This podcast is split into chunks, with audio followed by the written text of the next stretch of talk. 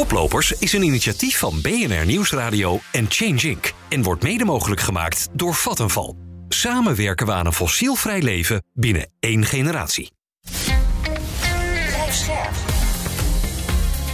BNR Nieuwsradio. Koplopers. Donatello Piras. Dit is Koplopers, het programma over duurzame innovaties waarvan jij op de hoogte moet zijn. Gemaakt in samenwerking met Change Inc. Ik ben Donatello Piras en vandaag zijn twee dingen anders. Ten eerste, ik sta deze keer niet met Werner Schouten in de studio, maar met Aniek Monen, klimaatexpert en voorzitter van de Jonge Klimaatbeweging. En we zijn op locatie bij Achmea. De verzekeraar organiseert een seminar over de locaat, over de manier waarop de financiële sector kan bijdragen aan verduurzaming. Ja, en dat is natuurlijk een kolfje naar ons hand. En daarom zijn we er. We hebben één van hun gasten bij ons achter de microfoon. En heb jij ook een event waarvan je denkt, daar mag koplopers niet ontbreken? Laat het ons vooral weten. En wil je iedere week een heads-up als er weer een nieuwe koplopers beschikbaar is? Abonneer je dan gratis op onze podcast in jouw favoriete podcast-app. Vandaag in Koplopers horen we de laatste wetenschappelijke inzichten over het klimaat. En gaan we op zoek naar de manieren waarop we het klimaatprobleem op de werkvloer kunnen kraken. Klimaatwetenschappers geloven niet dat de opwarming van de aarde beperkt zal blijven tot 2 graden. Internationale klimaatdoelen lopen gevaar als landen en bedrijven meer gaan investeren in fossiele brandstoffen, zeggen Nederlandse klimaatwetenschappers, economen en activisten tegen het FD. Die anderhalve graden of die twee graden, die kan nog best gehaald worden. Uh, maar dan moeten nog sneller uh, maatregelen genomen worden om de CO2-uitstoot te beperken. Het grootste probleem met klimaatverandering is te denken dat iemand anders het voor je gaat oplossen. Ja, Aniek, uh, fijn dat jij er bent vandaag. Ja, vind ik ook leuk. En net als Werner volg jij natuurlijk alle duurzame nieuws op de voet. Wat is je opgevallen deze keer? Ja, nou, uh, er zijn de afgelopen paar dagen natuurlijk een heleboel interessante dingen gebeurd. Maar één ding in het bijzonder sloot wel heel erg goed aan bij wie we vandaag in de studio hebben. Er stond namelijk een opvallend bericht in het wetenschappelijke tijdschrift Nature Climate Change. Het was een bericht van een groep wetenschappers die hun collega-wetenschappers oproept om burgerlijke ongehoorzaamheid te laten zien. Oh. En dat zou wat hem betreft nodig zijn om de samenleving te laten realiseren hoe catastrofaal de impact van de klimaatcrisis nou eigenlijk wel niet zal zijn als we geen actie ondernemen. En die oproep is natuurlijk vrij controversieel, aangezien wetenschappers tot nu toe altijd worden geacht om een soort neutrale boodschappers van kennis te zijn. Nou, volgens deze groep wetenschappers is die tijd nu voorbij. Ik ben benieuwd. Onze eerste gast van vandaag is Detlef van Vuren. Hij is klimaatonderzoeker bij het Planbureau voor de Leefomgeving en hoogleraar geowetenschappen aan de Universiteit Utrecht. En ook schreef hij mee aan het IPCC-rapport Het Klimaatpanel van de Verenigde Naties.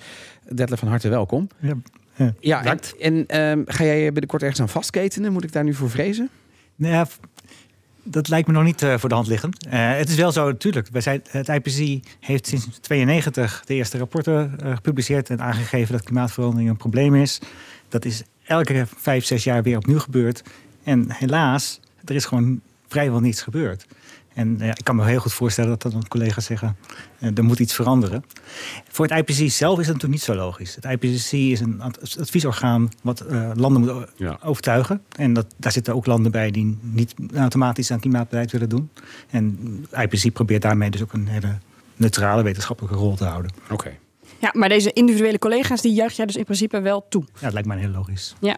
Hey, ik hoor ook steeds vaker dat uh, klimaatwetenschappers er eigenlijk geen vertrouwen meer in hebben dat we de opwarming van de aarde onder de 2 graden gaan houden. We hoorden dat net natuurlijk ook eventjes. Hoe denk jij daarover? Ja, dat zou ik niet zo zeggen. Um, in principe is het namelijk best heel goed mogelijk om uh, klimaatverandering te beperken. Uh, er zijn heel veel maatregelen beschikbaar. Um, en het is ook uh, gelukkig ook zo dat uh, het eerste beleid wat nu opkomt uh, in, de, in respons op Parijs, er wel voor zorgt hè, dat klimaatverandering niet meer waarschijnlijk 4 graden is aan het eind van de eeuw, maar gelukkig 2,5 tot 3,5 graden. Dat is nog steeds veel en veel te veel. En dus we moeten verder terug. Maar je kan zien hè, dat beleid effect heeft. Ja. En um, nou, als we dus maatregelen nemen, moeten we ook wel onder die 2 graden kunnen blijven. Ja, en, en toch even voor de luisteraar. Waarom is die 2 graden zo belangrijk? Of zelfs die anderhalve graad, want daar wordt natuurlijk steeds vaker over gesproken. Um, als je er misschien niet heel goed in zit, dan zou je kunnen zeggen... Joh, wat maken die paar getalletjes achter de komma nou de facto uit? Nou ja, we hebben nu een, een graad uh, temperatuurstijging gehad, 1,2. Je ziet ook hè, dat de effecten al optreden. Ja. Dat, we weten gewoon dat die effecten steeds sterker worden. Ja, we hebben het nu over die extreme weersomstandigheden, over overstromingen. We hebben het over eh, extreme droogte. Al dat soort, wat misschien eh, één is een incident, maar als het heel vaak gebeurt, dan is het een gevolg. Ja, en eh, voor Nederland komt daar nog een keertje besteedspiegelstijging bovenop. Hè? Ja. En dus er zijn een heleboel redenen om die klimaatverandering zoveel mogelijk te beperken. En 1, anderhalve graad is heel duidelijk heel veel beter alweer dan 2 graden. Maar hoe lager, eh, hoe beter is Ja, en wat zijn dan de afspraken? Toch weer even terug naar hè, Parijs. Wat hebben we, dus ook Nederland, met z'n allen nou ook alweer afgesproken? Nou, we hebben afgesproken dat we de temperatuur ruim onder de 2 graden willen houden. En bij voorkeur anderhalve graad. Nou ja, jij eh, werkte bij het IPCC onder andere mee eh, aan eh, nou, de verschillende klimaatrapporten die er waar- werden geschreven. Dus jij weet eigenlijk als een van de beste in Nederland hoe we er nou eigenlijk echt voor staan. Kun jij een soort van tussenstand geven? Ja, hoe staan we? En het ziet er niet zo heel best uit. Hè? Eh, Oh jee, brace for impact. Ik ga luisteren. Ja. Als je, de- we kunnen als wetenschappers redelijk goed uitrekenen hoeveel CO2 er nog de lucht in mag, eh, wil je onder die anderhalve graden blijven. En dat is 400 miljard ton, 400 eh, gigaton. Waar kunnen we dat mee vergelijken met iets? Ja, en dat kunnen we heel goed vergelijken met de huidige emissies, want die zijn net boven de 40 gigaton. Dat betekent dus dat we, als we op deze manier doorgaan, in 10 jaar tijd heb je alles uitgestoten wat je nog had mogen uitstoten om onder die anderhalve graden te blijven. En dan moet alles dicht, industrie dicht, eh, niet meer met de auto, niks. Precies. Het alternatief is dat je recht in een rechte lijn naar beneden gaat. Hè, dat betekent dat we in 20 jaar op nul uitkomen. Nou, dat is ook echt extreem. Hè, want de meeste dingen die we bouwen aan fabrieken, die willen we graag 40 jaar eh, gebruiken. Hè, dus 20 jaar naar nul betekent gewoon dat we al vroegtijdig een deel van onze industrie dicht zullen moeten gaan doen. Hmm. En dat is niet alleen in Nederland, dat is niet alleen in de westerse wereld, dat is ook wereldwijd.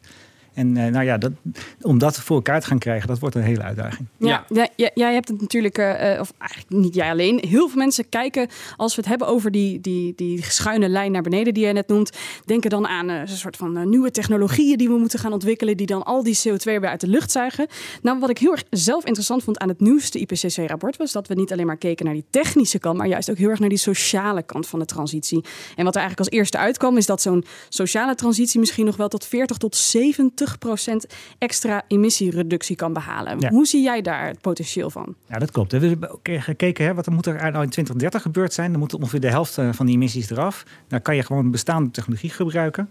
Uh, enerzijds aan de aanbodzijde, maar juist in dat bleek dus uit het rapport ook heel veel aan de vraagzijde. En dat is gedeeltelijk energiebesparing, maar dat kan ook gedragsverandering zijn. En dat kan heel, heel effectief zijn. En ehm, ook omdat sommige van die dingen die we aan de, aan de aanbodzijde moeten doen, zoals meer windmolens, of eh, ook wel nadelen hebben, is het heel aantrekkelijk om juist ook met gedragsverandering eh, maatregelen te nemen. Dus we moeten eigenlijk alle mensen uit het lab en uit de, de, de, de technische hoeken maar trekken en die maar gewoon langs de deuren laten gaan om mensen minder energie te laten gebruiken. Nee, je moet het niet dus als of-of formuleren. Want ik gaf net al aan, het wordt een enorme uitdaging. Dus het betekent en-en. Ook eh, aan de aanbodzijde de- zoveel mogelijk doen en tegelijkertijd zorgen dat je ook eh, thuis eh, je maatregelen neemt. Ja, en als ik het eh, toch even, de doelen van Parijs, even een hele sekke ja of nee, Detlef. Ja of nee nog te halen, technisch gezien. Eh, ja, Is het realistisch? Ehm, ik, eh, ruim onder de 2 graden, dat eh, zou ik nog best kunnen voorstellen dat we dat gaan halen. Of die, anderhalf, die anderhalve graden, daar gaan we op zijn minst kort overheen. Oké, en als jij het dan voor het zeggen zou hebben, wat zou jij dan per direct aanpakken? Hè? Stel we even, politiek is even onbelangrijk, gewoon puur vanuit de wetenschap. Wat zou jij dan direct aanpakken? Waar je zegt, nou, dan gaan we echt enorme impact hebben en richting, richting dat eh, Parijs. Ja, en het, nadeel hiervan is dat, dat het, het, het is nou juist een heleboel dingen tegelijkertijd. Hmm. Juist omdat we eh, zoveel naar beneden moeten, heeft het weinig zin om één ding te noemen. We weten gewoon in ieder geval, hernieuwbare energie is op dit moment gewoon extreem aantrekkelijk. Hè, qua Mhm. kosten. Dus je gaat, zet alles in wat je Zit daar daar kan doen. volop in? Zon, zon en wind. Energiebesparing is, is heel belangrijk. Nou, komt toevallig ook heel goed uit nu met al die Eh, ja, eh, er is iets met energieprijzen. momentum. Hè? Ja. En eh, nou ja, de gedragsverandering past daar ook hartstikke bij.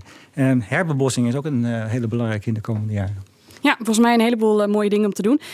Misschien nog even tenslotte, we hebben het vaak over 2050. Dat is echt eh, onwijs ver vooruit natuurlijk voor heel veel mensen. Eh, is dat niet, geeft dat niet een soort valse illusie dat we nog heel lang hebben? Moeten we niet gewoon een klimaatdoel gaan stellen per jaar? Ja, zeker. En het, is ook, eh, zoals ik net al aangaf, dat is een cost of budget. Dat, dat, kan je één keer uitgeven. Als je nu hoog blijft, dan ga je er heel snel doorheen. En dan hoef je echt die 2050 doel eh, niet meer te gaan halen. Dus je zal nu juist in 2030 al de helft van die emissies eraf moeten hebben. Dus ja, het is belangrijk om ook op de korte termijn te richten. Dankjewel. Detlef van Vuren, hij is klimaatonderzoeker bij het Planbureau voor de Leefomgeving en hoogleraar aan de Universiteit Utrecht. Dus Donatello, een echte IPCC-schrijver in onze eh, studio. Ja. Wat vond jij ervan? Ja, sowieso uiteraard eh, erg interessant te horen van iemand die hè, eh, ja, toch ook meeschrijft aan die onheilspellende rapport. Maar dat heeft een reden. En wat ik er dan raar aan vind, hè, hij zei je, je moet dat eigenlijk je, moet- je moet dat een beetje terugbrengen. Je moet niet die hele lange termijn doelen hebben. En dan vind Ja. ik eigenlijk onbegrijpelijk. Iedereen, denk ik, in het bedrijfsleven kent wel de term how do you eat an elephant? In slices. Yes. Dus breng als overheid nou die doelen niet tot 2030, want dan denkt iedereen na mij de zondvloed. Precies. Maar ieder jaar gewoon een doel. En als we dat dan halen, dan kunnen we er ook iets vieren. Een korting op je energierekening of zo. Precies. Of een hele grote barbecue eh, bij de Tweede Kamer. Eh, daar ga ik nog even over nadenken. Onze volgende gast is Janine Pothuizen. Als organisatiepsycholoog en voorzitter bij Klimaatgesprekken wil zij mensen op een positieve manier betrekken bij het klimaatvraagstuk. Welkom, Janine. Dankjewel. Ja, fijn. Je hebt natuurlijk net ook meegeluisterd naar het gesprek met Detlef. Ja, het is dus echt 1 over 12 wat het klimaat betreft. Als organisatiepsycholoog help je organisaties met veranderen. Kom je over de vloer. Het lijkt mij dat je omkomt in het werk. Klopt. Ik krijg zeker na deze zomer eh, alleen maar aanvragen. Elke dag eh, stroomt mijn mailbox binnen met mensen die ik niet ken die een aanvraag bij me doen.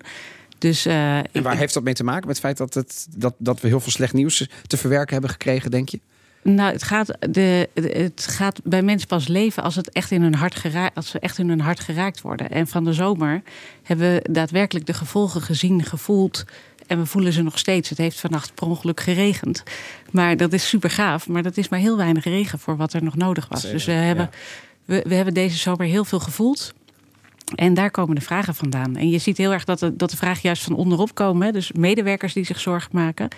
En die, die eigenlijk daaruit, vanuit daar de beweging willen maken. En, en, en, en help ons even. Wat voor type vragen kom- komt een organisatie dan bij jou? Wat is dan een formulering waar ze jouw hulp bij willen gebruiken? Nou, de formulering is: eh, hoe krijgen wij eh, onze medewerkers meer bewustzijn bij onze medewerkers? Hoe kunnen wij duurzaamheidsadviseurs, ambassadeurs opleiden die op de werkvloer in de dagelijkse keuzes kunnen helpen om de norm te verschuiven? Heel concreet dus. Ja, heel concreet. Ja.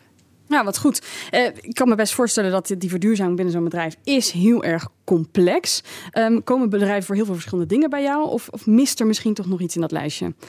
Nou ja, ze komen eigenlijk eh, regelmatig, omdat ik me echt eh profileer als psycholoog en dus gedragsveranderaar, komen ze met de gedragsvragen.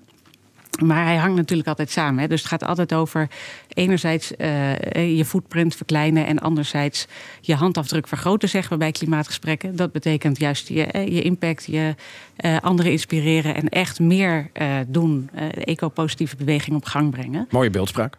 Ja, en dat is, wat, eh, dat is wat, eh, de vraag waarmee ze meestal bij mij komen. En is dat, is dat alles wat nodig is? Of wil je, wil je liever toch nog meer doen dan dat? Eh, nou, de- voor, ik vind dit al echt geweldig. Dus ik denk, als hier de vragen komen, als dit de vragen zijn... en we gaan met mensen die... hè, 75% van de mensen in Nederland maakt zich zorgen. Dus als je naar je eigen bedrijf kijkt, dan kan je eigenlijk rondkijken en denken van... nou, als 75% van de mensen zich zorgen maakt... hoeveel procent van mijn medewerkers vallen onder die 75%? Nou, dat zijn bij veel bedrijven meer dan 50% van de medewerkers. En dan kan je dus nagaan dat eigenlijk die 50% van die medewerkers... die meer dan 50% van de medewerkers... die hebben het daar niet eens heel vaak over met elkaar. En die zijn nog helemaal niet bezig om in hun dagelijkse keuzes andere keuzes te Het maken. wordt nog niet aan de lunchtafels besproken. Nee, en zeker niet in hun primaire proces en hun besluiten. Dan denken ze eerder aan de koffiebekers. En denken ze, nou, dan moeten we dat eh, veranderen. In plaats van dat ze denken aan, eh, wat kan ik nou in mijn primaire proces doen? Ja, precies. Nou, ik, eh, volgens mij komen er heel veel verschillende bedrijven ook naar jou toe. Heb jij nou een bepaalde succesformule die je bij, aan hen dan meegeeft? Is er één ding waardoor verandering echt lukt binnen zo'n bedrijf? We zouden altijd heel graag één ding willen hebben. Hè? Dat, als, dat is wat wij als, eh als mens graag Ja. willen. Eén oplossing. En het is juist zo complex. Ja. Het vraagstuk is complex, het is inhoudelijk complex, want er hangt zoveel mee samen. En het is emotioneel complex. Dus voor mij is hè, wat ik breng, is de oplossing om mensen te helpen de emotionele complexiteit van de verandering te begrijpen. Waarom lukt het? Hè, waarom zegt jouw collega dat hij duurzaamheid heel belangrijk vindt en tegelijkertijd doet hij iets anders? Wat zit daar anders? Wat zit daarachter? Wat gebeurt er bij die persoon? En dat we eigenlijk allemaal ambivalente mensen zijn en dus eigenlijk het een kunnen denken en het andere kunnen doen. En daar respect en, en mildheid op krijgen, zodat je elkaar kan helpen in de verandering. Dat is eigenlijk waar ik het meest mee bezig ben. Nou ja, het is een beetje toch de coping principles van, uh, van de mensen. Hè? We doen het wel, maar we weten het ook weer te verklaren waarom we het doen. En dan is het minder erg. Uh, nu is duurzaamheid natuurlijk uh, belangrijk, maar hoe stimuleer je, hoe motiveer je nu die mensen die met die beginvraag naar jou toe komen? Hoe zorg je ervoor dat dat dan ja, ook een beetje lukt op het werk? Hoe doe je dat? Uh, nou, de, de, er zijn dus al over het algemeen veel intrinsiek gemotiveerde mensen. Dus als je die bij elkaar zet en die met elkaar uh, laat onderzoeken van hey, hoe kunnen wij in de organisatie van toegevoegde waarde zijn, dan gaat er echt iets gebeuren. Die mensen die hebben al lang in zichzelf de driver en die hebben zelfs soms al het beeld dat ze weg willen bij de, bij de werkgever, omdat er te ah. weinig gebeurt. Oké. Okay. Dus, uh, dus daarmee zijn ze echt zoekende van hoe kan ik nou die waarde ook vormgeven in mijn werk.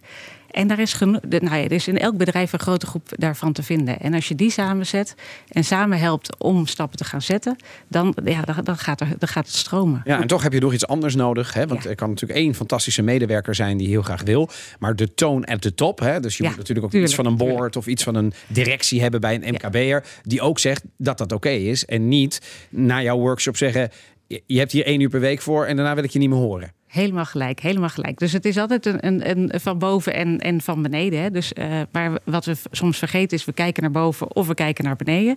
Het is die samenwerking. Uh, maar en krijg jij dat voor elkaar? Dat krijg je voor elkaar door soms uh, wat minder netjes te zijn, wat burgerlijk ongehoorzaam in de organisatie te zijn. En uh, soms uh, is het, mijn uitgangspunt is bij de vraag dat ik ook kijk of ik direct de directie aan tafel kan hebben. Ah, Oké, nou, het blijft natuurlijk een ontzettend moeilijk vraagstuk. Uh, we weten al heel erg lang dat het misgaat met het klimaat. Uh, nou ja, ik uh, kom zelf uit 1997. al ver daarvoor wisten we het eigenlijk al. Waarom vinden we het toch zo moeilijk als mensen om te veranderen? Ja, ja, ik zucht. Ja, ik, ik kreeg gisteren een hele mooie beeldspraak in een workshop van, uh, van een arts. En die zei: uh, uh, het, het voelt eigenlijk alsof ik de hele tijd met mijn racefiets achter een brommer heb gehangen. En het stonk de hele tijd achter die, racefiets, achter die brommer. Ja. Alleen ik fietste zo lekker hard. En ik dacht dat ik gezond bezig was, want ik was zo lekker hard aan het fietsen. Maar eigenlijk was dat stinken had echt een, een reden. want het was niet goed. Het was niet gezond dat ik daarachter hing. Mm. En, uh, en dat betekent dat je dus afscheid moet nemen van iets. En tegelijkertijd op zoek moet gaan naar iets nieuws. En die twee dingen zijn twee uitdagingen voor ons als mens. Vinden we moeilijk, toch? Dat vinden we lastig. Omdat ja. als, je, als, als we gewend zijn aan iets, om, hebben we snel het gevoel... kijk maar naar de discussie dat het wordt afgepakt. Ja, ja dat is zeker... Terwijl dat, in, in, in, terwijl dat niet eens hoeft. Soms, in sommige gevallen. Want je kunt een substituut hebben soms. Je kunt het op een andere manier doen. Maar dan moet je het substituut ook zien. Dus zodra, ja, zolang je het niet ziet... Uh, kan je ook niet, uh, zie je dat ook niet als, als kans. Dus, uh, dus de vraag is, enerzijds, wij, wij, willen alleen maar veranderen als we autonoom kiezen. Dus ik krijg heel vaak de vraag, hoe overtuig ik anderen? Dan zeg ik altijd, nee, ja, dat kan niet. Oh. Overtuigen, je kan nooit een ander overtuigen, want de ander kan alleen maar zichzelf overtuigen. Aha. Dus je moet iemand anders overtuigen om zichzelf te overtuigen. Je moet in gesprek gaan met de ander, zodat hij een verhaal krijgt waar hij zelf uh, zijn weg in kan vinden wat voor hem belangrijk is vanuit zijn waarden of, of normen uh, dat hij kan kiezen. Ja, het wordt, wordt filosofisch bijna, maar we gaan het er zo meteen natuurlijk nog wat uitgebreider over hebben met de stelling van de week. Die gaat daar helemaal over. Tot slot, wanneer, uh, Janine, denk jij komt het kantelpunt? Wanneer denk je dat duurzaamheid geïntegreerd is in ons aller gedrag? Je dat of zo zou weten. Nou, kijk, het mooie is dat als je. Het ligt een beetje aan in welke groep je hebt. Hè, maar stel je staat met een groep collega's. Nauwe collega's bij een koffiezetautomaat. Uh, en, uh, en een van die collega's zegt van joh, ik ga dit weekend uh, lekker vliegen naar, naar Ibiza. Een andere collega. jij denkt van, nou weet je, ik, ik maak er eens een opmerking over. Of laten we meer nog op het werk doen. Ik ga voor dat congres naar, vlieg ik naar, naar Londen. Nou, dan, dan en, en uh, jij zegt als collega van, goh, is dat, nou wel, is dat nou wel logisch? En er staat één collega naast die jou bevestigt, dan heb je al een beetje van de norm veranderd. Mm. Dus als één collega jou toejuicht van, hé, hey, ja, inderdaad, is dat wel logisch dat we nog met vliegtuig gaan? Dan verandert al iets van de norm. Want de anderen hebben gezien, hé, hey, dit is bespreekbaar. En dan wordt, het, dan wordt het bespreekbaar. Dus zo kunnen we die norm met elkaar heel snel veranderen. Maar ja, dat ene congres wat eens in de twee jaar internationaal wordt georganiseerd. En als je dan naar Barcelona moet, je moet de trein pakken, dan ben je vier dagen onderweg en niet één. Kortom, dan ben je. Welke invloed heb ik daar als professional op? Ja, je hebt altijd. eh, Behalve niet gaan natuurlijk. Hè, maar stel nu dat ik wil, want ja, ik moet mijn punten halen. En het is een heel interessant congres. Jij komt te praten. Nee, het is natuurlijk interessant. eh, Dus de omgeving bepaalt een heleboel van je keuzes. Hè. Eh, Op het moment dat jij geconfronteerd met wordt voor een keuze, dan is eh, wat de omgeving jou biedt, is eh, bepaalt bijna voor 95% van, van hoe je de beslissing. keuze van de beslissing. Dus daarmee is, is het heel belangrijk. Alleen. Eh, Ik zei net al, het is belangrijk dat professionals in hun primaire proces andere keuzes gaan maken. Dus waarom is dat congres in Barcelona? Is er ook nagedacht om het op een andere manier te organiseren? kunnen we dat ook met satellieten organiseren. Nou, daar, daar, er zijn zoveel andere opties mogelijk. Dus de mensen die het primaire proces, het organiseren van dat congres hebben, die hebben natuurlijk echt heel veel invloed om dat op een andere manier te doen. Interessant. Dankjewel. Janine Pothuizen, organisatiepsycholoog en voorzitter Klimaatgesprekken voor nu.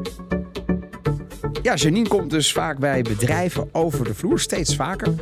Wat blijft er bij jou hangen van eh, haar werk? Ja, ik vind het vooral heel inspirerend hoe Janine probeert eigenlijk dat klimaatprobleem wat meer bespreekbaar te maken. Ze zegt eigenlijk, nou, ga maar eens aan de koffiemachine. eh, confronteer die collega maar dat zij op vliegvakantie gaan naar Ibiza. Heel spannend natuurlijk. Maar ik denk wel dat we dat misschien met z'n vaak- met z'n allen wat vaker moeten doen. En tegelijkertijd denk ik ook dat hele bespreekbaar maken, dat trekt zich ook langer door. Dus niet alleen maar binnen het bedrijfsleven, maar misschien ook wel bij de politiek. Moeten we meer bespreekbaar maken waarom we bepaalde klimaatbeleid niet of wel doorvoeren. Waarom dat misschien niet helemaal is gegaan zoals we willen. Die transparantie, volgens mij kan dat in zijn geheel beter uitpakken voor die transitie. En misschien helpt dat zelfs wel met een beetje meer draagvlak krijgen bij de bevolking. Eigenlijk, maar eigenlijk pleit jij voor meer klimaatrammers. Nou, nee. Op meer, klimaatramers op de, eh, op de werkvloer. Ik Ja, denk dat dat op zich niet erg is. maken. Maar inderdaad ook, eh, laat maar eens wat meer transparantie en, en kwetsbaarheid zien. eh, zowel op de werkvloer als bij de politiek. Welkom terug bij Koplopers allemaal. We gaan beginnen met een stelling. We hebben hem ook voorgelegd aan ons eh, eh, online panel bij eh, Change Inc. En die stelling die geldt, een beter milieu begint bij jezelf. Je kent hem misschien nog wel uit de jaren 90 van de Postbus 51 spotjes. Ik heb hem niet meegekregen, want Ik heb nou, wel, ja. ik, ik was toen nog niet geboren. Ja, maar ja, nee, dat ik- hoorde ik zojuist. Zo'n kleine shock ik, hier. ik- ja, ja, ja, Ik, ik wrijf hem er lekker in. Maar het is een hele interessante stelling. We hebben het hier net al eventjes in de studio gevraagd. Eh Janine, jij was eens en Detlef oneens. Dus dat is al interessant. De mensen online die waren wat eh, minder eh, 50-50. Vertel. We hadden namelijk 89 mensen die het eens waren. Dus die vinden inderdaad dat een beter milieu bij jezelf begint. En 11% oneens. Ja. Janine, jij zei eens. Dus jij bent het eigenlijk eens met, eh, met de meerderheid hier. Eh, waarom eens? Nou, ik ben het niet eens met, eh, met hoe het eh, destijds eh, eh, gebracht is. Dat een beter milieu begint bij jezelf. Dat heeft het frame van eh, in de rol van consument en in de rol van burger. Ja. En in de rol Gingen van scheiden en zo, hè, dat soort dingen. Ja, en in de rol van consument en de rol van burger heb je zeker invloed, maar is je invloed zeer beperkt. Eh, maar jij zelf bent ook medewerker. Medewerker bij een organisatie. Misschien ben je zelf wel directeur. eh, of eh, zit je op een andere plek waar je veel invloed hebt. En daar begint het beter milieu zeker bij jezelf. Dus Vind als je dat- professional heb je echt heel veel impact. Vind je dat nou een soort eh, vereiste? Kun je, kun je nou eh, binnen je werk wel proberen verduurzaming eh, door te zetten, maar thuis daar eigenlijk helemaal lak aan hebben? Of vind je dat toch een beetje, ja, Ja, ik denk, ik denk dat je de beste veranderaar bent als je zelf het ook doormaakt. Mhm. Dus doorleven, voorleven en dan kan je het ook de anderen. Intrinsiek gemotiveerd is belangrijk. Maar Detlef, eh, jij was al genuanceerd natuurlijk. Niet verbazingwekkend voor een wetenschapper. Eh, maar eh, het, met het mes op de keel zei je toch oneens. Ja. Want? Nou ja, en misschien ook wel een beetje om dezelfde reden. Namelijk, een deel van ons gedrag kunnen we veranderen. En ik kan zelf beslissingen nemen die mijn emissies be- bepalen. Maar er zijn ook een heleboel dingen, de context om mij heen, die ook mijn emissies bepalen. Ik kan pas met het openbaar vervoer als er goed openbaar vervoer beschikbaar is. Ja. En voor mijn energie ben ik afhankelijk van wat mij wordt aangeboden. Hè, dus ik, zal, eh, ik ben ook verantwoordelijk voor mijn eigen keuzes te maken. Maar ik zal ook moet- moeten zorgen dat die omgeving om me heen die de mogelijkheid geeft om die keuzes te maken. Ja, nu zijn we natuurlijk, hebben we al gezegd, uh, Annick, hier bij eh, Achmea. Klopt. Waar natuurlijk een congres gaande is om ervoor te zorgen. Nou, wat kan de financiële sector, nou, hoe groot wil je het hebben? eh, wat kan die nou bijdragen aan? En eh, aan de microfoon staat nu Fleer Bello van Achmea. Eh, en jij hebt een vraag hè, voor eh, ons panel hier. Klopt, ja. En eigenlijk eh, grijpt hij wel in op wat je net zegt. De financiële sector, wat kan die nou doen? Ik ben wel benieuwd naar of jullie ideeën hebben... eh, wat de financiële sector nog meer zou kunnen doen... om verduurzaming eigenlijk te versnellen. Oké. Kan de financiële sector iets doen om die verduurzaming te versnellen? Detlef, zou jij willen beginnen en daarna Janine? Ja, nou ja, eh, de financiële sector is natuurlijk extreem belangrijk. We, we zullen uh, zowel aan mitigatie als ook met het omgaan van klimaatverandering de komende jaren heel veel moeten gaan investeren. En, um, de, en eigenlijk vooral ook de komende tien jaar. En want we zitten er nu met die enorm hoge emissies. We gaan met hele grote stappen door dat budget heen. Dus vooral de komende tien jaar om uh, naar de helft van die emissies te gaan is extreem belangrijk. Nou, de financiële sector kan dus enorm helpen om die investeringen mogelijk te maken. Maar ook de voorwaarden te bieden en de incentives uh, voor anderen om die keuzes te kunnen maken. Ja, want, als je dan uh, dit vertelt tegen een financieel bedrijf, dan zeggen ze natuurlijk: ja, maar hallo, ik heb niet van die winstmarges op mijn duurzame investeringen als ik heb als ik investeer in olie of gas. Hoe kunnen we dat doen? Moeten we dan maar verwachten dat ze die, dat verlies aangaan, of kunnen we dat toch op een andere manier bestrijden? Ja, mij lijkt dat er twee wegen zijn. Allereerst zal de overheid ook moeten zorgen dat ze een level, een level playing field bieden en waardoor het makkelijker wordt uh, voor bedrijven om die keuzes te maken. Tegelijkertijd hebben, hebben bedrijven ook een eigen verantwoordelijkheid. En daar kunnen ze zich ook uh, op aangesproken voelen. Ja, Janine? Je ziet ook dat bedrijven dat doen. Hè? Dus er zijn al uh, verzekeraars en ook uh, banken die gekozen hebben om echt op een andere manier dat vorm te geven. Dus er zijn ook voorbeelden van dat je dat zonder hulp van de overheid al echt wel stappen in kan zetten. Zeker als je kijkt naar wat de risico's zijn als je blijft doen wat je deed. Ja. Dus, dus dat is ook echt de vraag die je jezelf moet stellen als financiële sector. Als wij blijven doen wat we doen, ja. Welke risico's lopen we dan? We vinden het zo normaal om, te, om het normaal te blijven volhouden, dat we soms vergeten dat uh, kiezen binnen het normaal ook risico's met zich meebrengt. Ja. Dus kijk nou eens naar welke risico's brengt dat met zich mee. En daar zijn inmiddels al best wel veel uh, beelden over hoe, uh, hoe heftig die risico's zijn. Toch een soort omdenken. Tot slot, uh, Aniek, nu was jij vandaag ook al voordat wij de uitzending begonnen hier op het plein. En we gaan even luisteren, want jij hebt ook wat vragen opgehaald. Yes. ik ben Hette Rienstra en ik ben actuaris bij Achmea. Helemaal goed. Nou, jij hebt een vraag voor een van onze gasten in de studio. Wat is die vraag? in hoeverre ga je de impact voor verduurzamen uh, ook bereiken door je klanten te helpen te verduurzamen? En hoe ver ja, voel je je daar verantwoordelijk voor? Nou, hier aan tafel, ja. Moet je, vind je ook, ik begin nu even bij Jardine, vind je ook dat in dit geval de financiële sector Achmea dan ook een taak jegens klanten heeft? Uh, ja, zeker.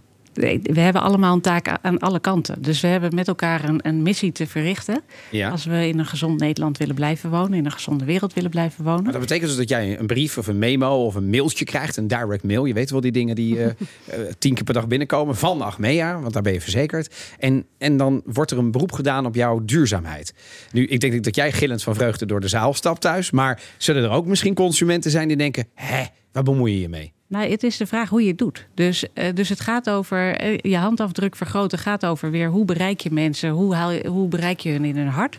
En dat kan dus op verschillende manieren. Dus ik, niet iets opleggen, uh, maar wel dingen belonen. De voorlopers belonen.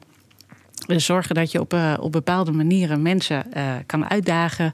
Uh, om dingen te doen. Dus er zijn allemaal kansen eh, om, om mensen in beweging te brengen. Is dat, uh, moeten we verzekeringen duurder of goedkoper maken voor mensen met een elektrische auto of zonnepanelen op het dak? Ik, ik heb daar nog niet verder over nagedacht en dat laat ik ook graag aan de, aan aan de, de professionals over. uh, maar daarover nadenken met elkaar is stap 1. Wat zou jij zelf bedenken, Detlef? Ja, om te beginnen denk ik, die verandering is zo groot hè, dat we moeten in ketens denken. En vaak hebben we dus elkaar nodig om die verandering ook kunnen maken. Een, een, bedrijf in zijn eentje lukt het niet, want hij krijgt producten van anderen. Dus sowieso is het belangrijk dat we daar contact hebben. En in de financiële sector in, in, in het bijzonder, ja. Um, het, het, als een bedrijf zich niet aanpast, is dat natuurlijk een risico voor, uh, voor, voor, een verzekeraar. Ja. En daarom is het ook wel belangrijk om juist met, die, met uh, zijn klant in, in, gesprek te komen. Ja. Om te kijken of dat gedrag veranderd kan. Ja, het mooie is dat jij benadert klanten niet alleen vanuit, hè, dat is dan de, de, eindklant, de consument. Maar het zijn ook de leveranciers bijvoorbeeld. Want die zijn natuurlijk ook in die hele keten belangrijk. Ja, Wij precies. gaan jullie bedanken. Detlef van uh, Vuren, hij is namens PBL, Universiteit Utrecht hier, klimaatonderzoeker. En Janine de Pothuizen, organisatiepsycholoog. Hartelijk dank voor jullie komst hier naar Koplopers. En dit was alweer de podcast van Koplopers. Bedankt uh, voor het luisteren. Ik wil jou bedanken. Ja, ja ook bedankt Donatella. Ja, dan niet dat je er was vandaag uh, als uh, kundig vervanger van Werner. Graag tot een volgende keer. En volgende week maandag om half vier staat er weer een verse podcast voor je klaar. Koplopers is een initiatief van BNR Nieuwsradio en Change Inc. En wordt mede mogelijk gemaakt door Renewy voor een circulaire economie. Want afval bestaat niet.